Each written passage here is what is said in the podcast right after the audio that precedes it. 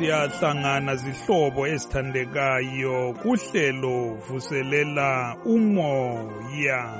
Igama nguntungamili nkumo namhlanje silomfundisi thandeko zintimkandla.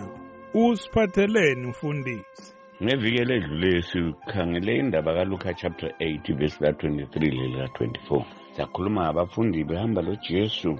Besesikepeni elwandle kwavuka isiphepho ujesu kuthiwa wayelele mhlawumbe wayekhathele um njengoba laye wayelakho ukuba ngumuntu njengathi. Into-ke kuthiwa abafundi-ke bathi kuvesi 24 nkosi nkosi safa. Ilizwe ngelizwe lingafananiswa lomkhumbi oselwandle.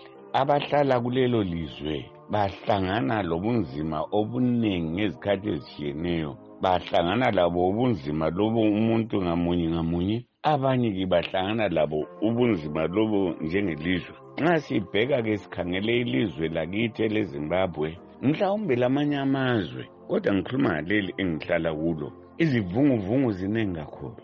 Akulamsebenzi akulamali amanzi ahluphe emadolobheni lasemakhaya izifuyo ziyafa ngokuswela amadlelo mhlawumbe lamanzi kunjalo nje lazo zifuyo lezo zingonelanga muntu ini? Zithi ukuswela amanzi lamadlelo amasela abuye abhahe lawo.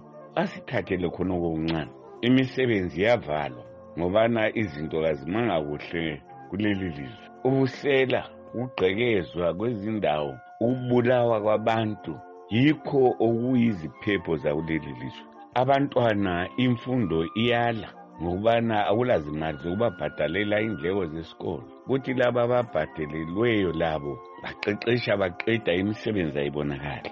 Um kuthi-ke intsha-ke sengitsho labadala abanye ibisidanela entweni mhlawumbe izidakamizwa ezenza abacabanga ukubana kuyakwenza ukubana izivunguvungu lezi zibe ngcono. Ilizwe libhekane lobunzima.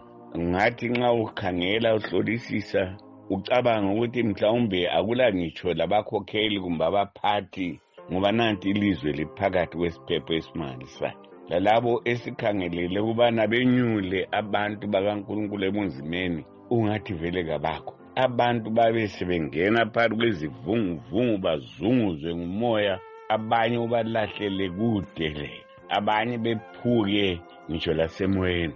Imindeni imizi izigodi umphakathi udinge uswele ukubana uzabamba kukuphi na.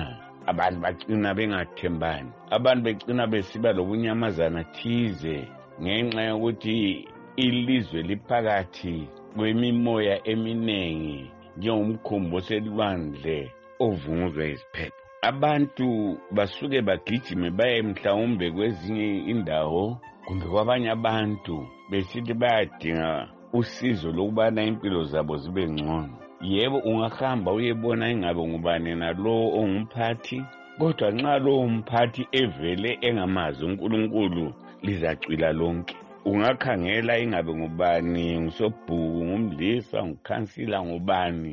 Ophetheyo empilweni zabantu ufolomane usupervisor umnikazi webhizinisi. Lizacwila lonke nxa lingakhalanga kunkulunkulu ngoba ukhala emntwini wenyama kwesinye isikhathi kawusizi ake ume lawe ilizwe isizwe ke sime sikhangele ukubana konakala ngaphi. Ngubani ungasiza lesi sizwe eziphephweni emoyeni le ekhona? Abafundi bakajesu bahlakanipha. Baya kujesu bathi nkosi nkosi safa. Sifiso sami kubana sonke sikhale kunkulunkulu ngeziphepho lezi esihlangana lazo ukuze asisize asikhulekeni nkulunkulu ungavumi ubana ekufeni kwalesi sizwe kuze kufe labantu bakho. Thulisa iziphepho zakuleli lizwe. Nojesu ngiyakhuleka. Amen.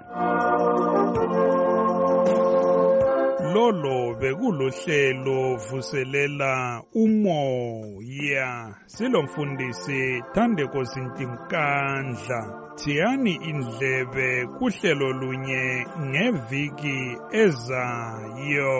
Lilami untungamili nkumo